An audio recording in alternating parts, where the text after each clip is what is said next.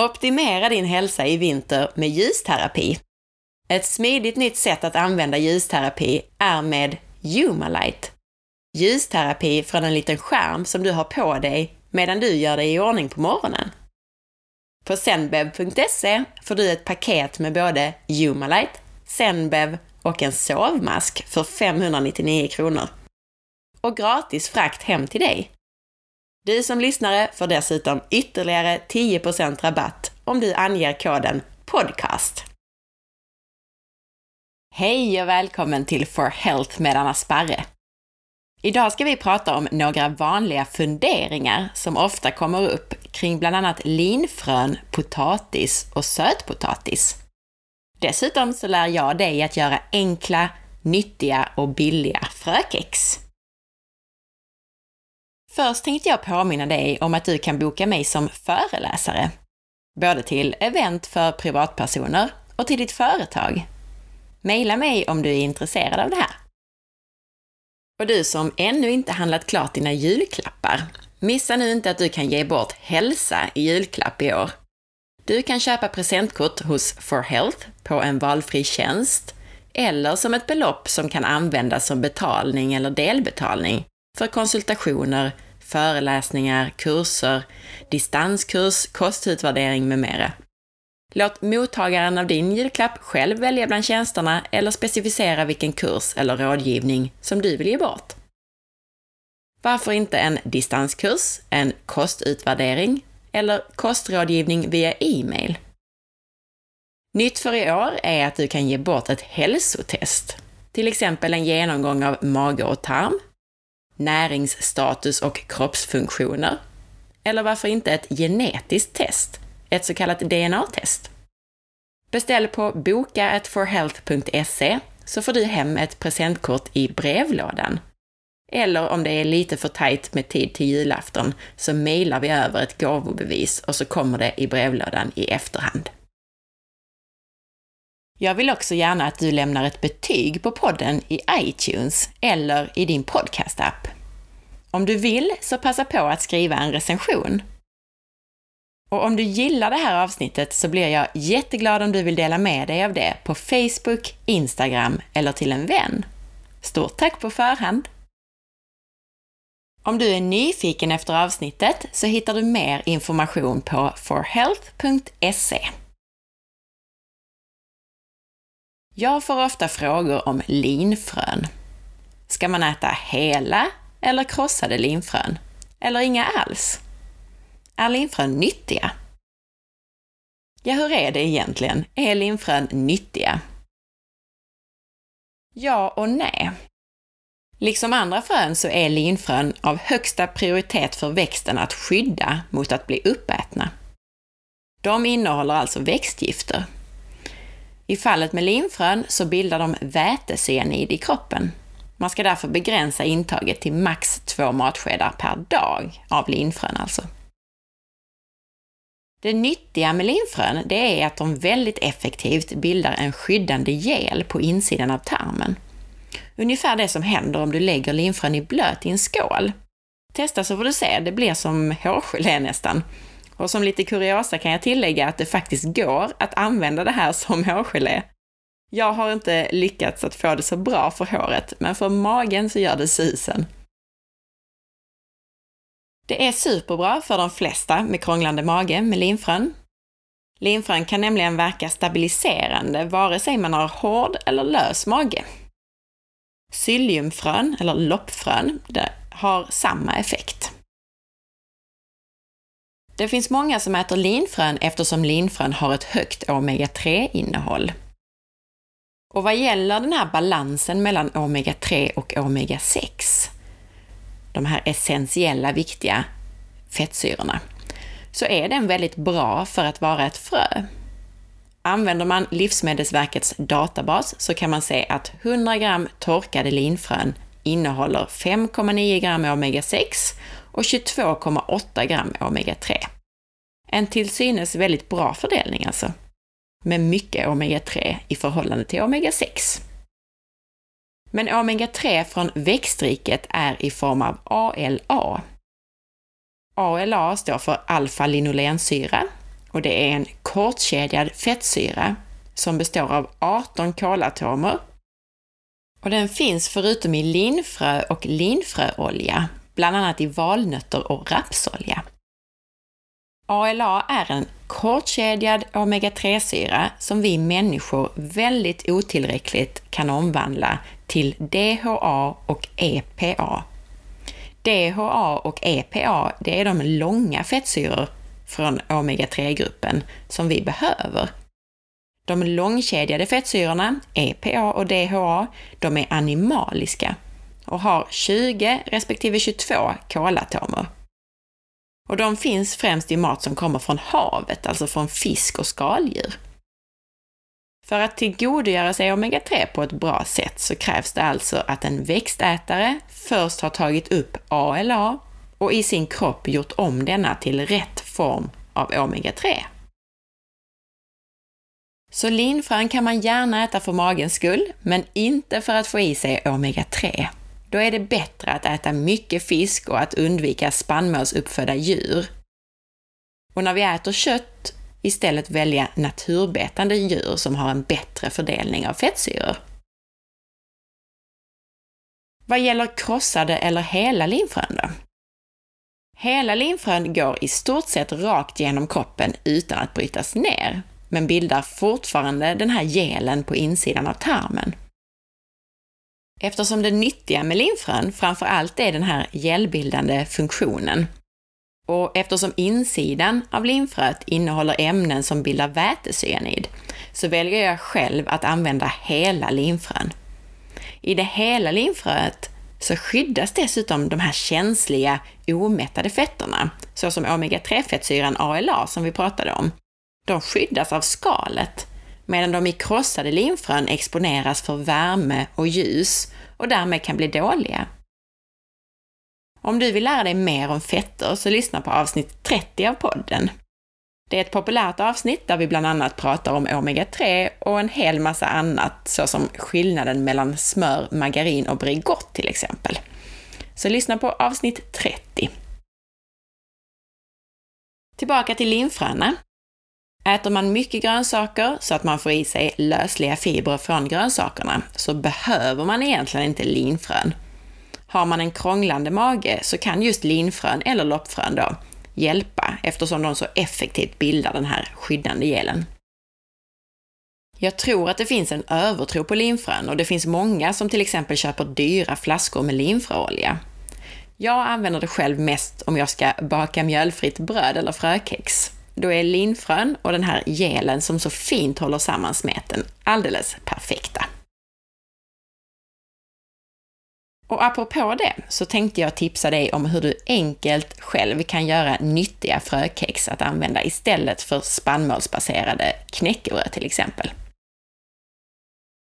Jag brukar inte baka mjölfritt bröd eller typiska LCHF-grejer speciellt ofta, utan undviker mackor och annat helt och hållet till största del, eftersom pålägg är så himla onyttigt ändå med tillsatt socker och nitriter och andra tillsatser i både chark och till och med i en hel del ostar. Men om man nu till exempel vill bjuda på någonting, något litet tilltugg, så är frökex toppen. Till exempel så kan man servera dem med en klick majonnäs och ett par räkor. Och jag tycker också om att äta frökex med smör och skivat kokt ägg med salt på. Till mitt recept på frökex så behöver du pofiber, linfrön, blandade frön förutom linfröna, alltså så som pumpafrön och solrosfrön till exempel, havssalt, fiberhusk, olivolja och kokande vatten. Det du gör är att du blandar samman de torra ingredienserna och då ska det vara ungefär en halv deciliter pofiber, en deciliter linfrön och mellan en och en halv och två deciliter blandade frön. En halv tesked havssalt, en tesked fiberhusk.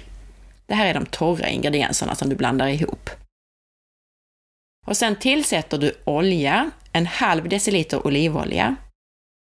Och så kokar du upp vatten, 2,5 deciliter vatten kokar du upp och tillsätter. Och det är viktigt att använda just linfrön och varmt vatten eftersom det här bildar en sån här sammanhållande gel. Det går att använda kallt vatten, men då får man låta det stå i till exempel i kylskåp i några timmar. Men det behöver du inte om du använder det här kokande vattnet i alla fall. Eh, direkt när du har hällt på kokande vattnet så rör du ihop det här och sen plattar du ut smeten tunt på bakplåtspapper på en plåt. Du lägger alltså bakplåtspapper ovanpå en plåt och sen brer du ut smeten med en spatel eller en sån här slickepott. Sen gräddar du det här i ugnen i knappt en timme vid ungefär 150 grader. Jag använder vanligen varmluftsugn på samma temperatur och då gräddar jag bara i drygt 30 minuter istället. Du får testa vad som blir lagom i din ugn. Men det du gör sen när den, efter den här ugnstiden så tar du ut plåten och så skär du till lagom stora bitar, alltså av frökex. Och sen sätter du tillbaka plåten in i ugnen igen, stänger av den, alltså ugnen, och lämnar ugnsluckan på glänt. Och sen låter du frökexen lagas klart på eftervärme eller på väldigt låg värme i ytterligare 20 till 30 minuter. Och det här steget är viktigt om man inte vill att frökexen ska bli mjuka.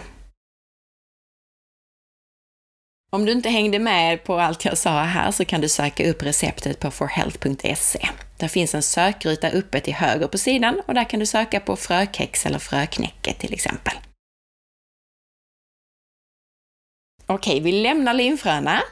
Nästa fråga eller fundering som jag ofta får höra, det har att göra med sötpotatis jämfört med potatis. Spelar det egentligen någon roll vilket man väljer? Om man nu vill ha lite extra kolhydrater på kvällen eller någon gång i veckan eller i samband med hård träning eller vid carb cycling eller av någon annan anledning. Spelar det då roll om man väljer potatis eller sötpotatis? Vi börjar med att titta på kolhydrater, sockerarter, kalorier och fibrer. Vid en första anblick av potatisens och sötpotatisens näringsinnehåll så kan man lätt tro att potatis skulle vara bättre än sötpotatis. Sötpotatisen innehåller faktiskt ännu mer kolhydrater än potatisen, om än väldigt lika. Sötpotatisen har också mer socker, men något högre fiberinnehåll. Väldigt lika ser det ut att vara om man bara läser näringsinnehållet. Så spelar det då någon roll vad man äter om man är ute efter lite carbs på kvällen till exempel? Ja, jag tycker det. Jämför man glykemiskt index så har vanlig potatis ett GI på hela 111, det vill säga högre än rent druvsocker. Sötpotatisens GI är 70. Helst så skulle jag då jämföra insulinindex, men det finns nog inte för sötpotatis än tror jag. Den vanliga potatisens insulinindex är dock skyhögt. För dig som inte vet vad jag pratar om när jag säger insulinindex så är det ett bättre mått än GI och som jag hoppas kommer att börja användas mer och vidareutvecklas. Det finns i dagsläget bara insulinindex för ett fåtal livsmedel. Insulinindex mäter till skillnad från glykemiskt index hur stor påverkan livsmedlet har på insulinet istället för på blodsockret. Och det är ju mer intressant egentligen eftersom det framförallt är insulinet vi vill hålla i schack genom att bland annat hålla blodsockret lågt och jämnt. Det finns stor korrelation mellan glykemiskt index, GI alltså, och insulinindex. Mjölmat, alltså som bröd och pasta och så, har till exempel både högt GI och högt insulinindex. Men skillnaderna ligger bland annat i högproteinkost, som kanske inte ens har några kolhydrater alls i stort sett, som kött och ägg till exempel. Och då har de väldigt lågt GI, men de har ändå en betydande effekt på insulinet, alltså på insulinindexet. För insulin fungerar som en budbärare för inlagring, inte bara för kolhydrater och blodsocker, utan kan även komma med budskapet att aminosyror från proteiner till exempel ska tas om hand. Hur som helst, det var en liten utsvävning kring insulinindex. Vi går tillbaka till potatisen. För nästa faktor jag tänkte ta upp det är inflammation. Och det finns någonting som kallas för inflammationsfaktor som baseras på en rad olika parametrar som antioxidanter och fettsyror och annat. Och den här inflammationsfaktorn den är jättebra för sötpotatis, men dålig för potatis. Sötpotatis har en inflammationsfaktor på 286 och potatisen har minus 112 poäng, som då är mycket sämre. Om vi tittar på de små mikronutrienterna i potatis och sötpotatis, så när det då gäller mineraler och vitaminer så innehåller sötpotatisen viktiga mineraler och spårämnen som vi i Sverige ofta får för lite av. Den innehåller bland annat mer mangan och selen än potatisen gör. Men till den kanske viktigaste faktorn, och det är antinutrienterna. Vi pratade lite grann om antinutrienter i, i frön, alltså det här ämnena som fröet skyddar sig med. Potatisen har höga nivåer av saponiner, framför allt den välkända formen solanin. Saponiner är gifter som ska skydda potatisen mot insekter, men i oss människor så kan den både påverka tarmen och immunförsvaret på ett negativt sätt. Och det här gäller ju särskilt om man har problem med tarmen, kanske en högre tarmpermeabilitet, alltså en eh, så kallad läckande tarm. Eller om man har en tendens eller en, en, en ärftlighet för autoimmuna sjukdomar. Dessutom, förutom antinutrienter och allt det här andra, så tror jag också att fibrerna i sötpotatis skiljer sig från de som finns i potatis. Jag minns inte vad jag först läste eller lärde mig om detta, men potatisens fiberinnehåll återfinns främst som olösligare fiber i skalet, men sötpotatisens mjuka fiber, alltså prebiotika då, för våra tarmbakterier, potentiellt skulle mata tarmfloran bättre. Fast då ska man också tillägga att vanlig potatis har en liten mängd resistent stärkelse om man äter den kall. Men efter alla de här då sakerna som jag tagit upp kring sötpotatisen och potatisen så invänder ju en del kloka personer. Hur är det med miljöpåverkan då? Går det att odla sötpotatis i Sverige på friland lika enkelt som potatis eller måste vi importera den? Ja, jag är inte miljöexpert, men jag gissar att sötpotatis ofta importeras till Sverige. Så med tanke på allt det här så väljer jag att äta sötpotatis när jag är i länder där sötpotatisen odlas bättre än här hemma. Till exempel när jag är i Sydeuropa, i Portugal till exempel, eller på Barbados i Karibien. Är jag hemma så blir det sällan varken sötpotatis eller potatis. Och nu har ju du i alla fall lite på fötterna för att själv kunna ta ställning till om du vill äta potatis eller sötpotatis eller kanske strunta i båda två. Hade jag varit som dig så hade jag valt ekologiska morötter och rödbetor här hemma i Sverige. Lika gott och nyttigt och massor med färg och härligheter. Och sen hållit mig till sötpotatis i utlandet. Tack för att du lyssnade på det här avsnittet med lite vanliga funderingar kring linfrön, potatis och sötpotatis. Jag hoppas att du gillade det. Som du märker så blandar vi högt och lågt och detaljerat och mer grundkunskap här i podden. Och jag hoppas att det blir en bra blandning för alla er lyssnare. Nästa vecka så har vi årets sista avsnitt och det blir med den omåttligt populära läkaren Peter Martin som kommer tillbaka för att bland annat prata maghälsa, IBS och SIBO, så kallad Small Intestinal Bacterial Overgrowth. Så missa nu inte det. Jag antar att det kommer bli hur spännande som helst.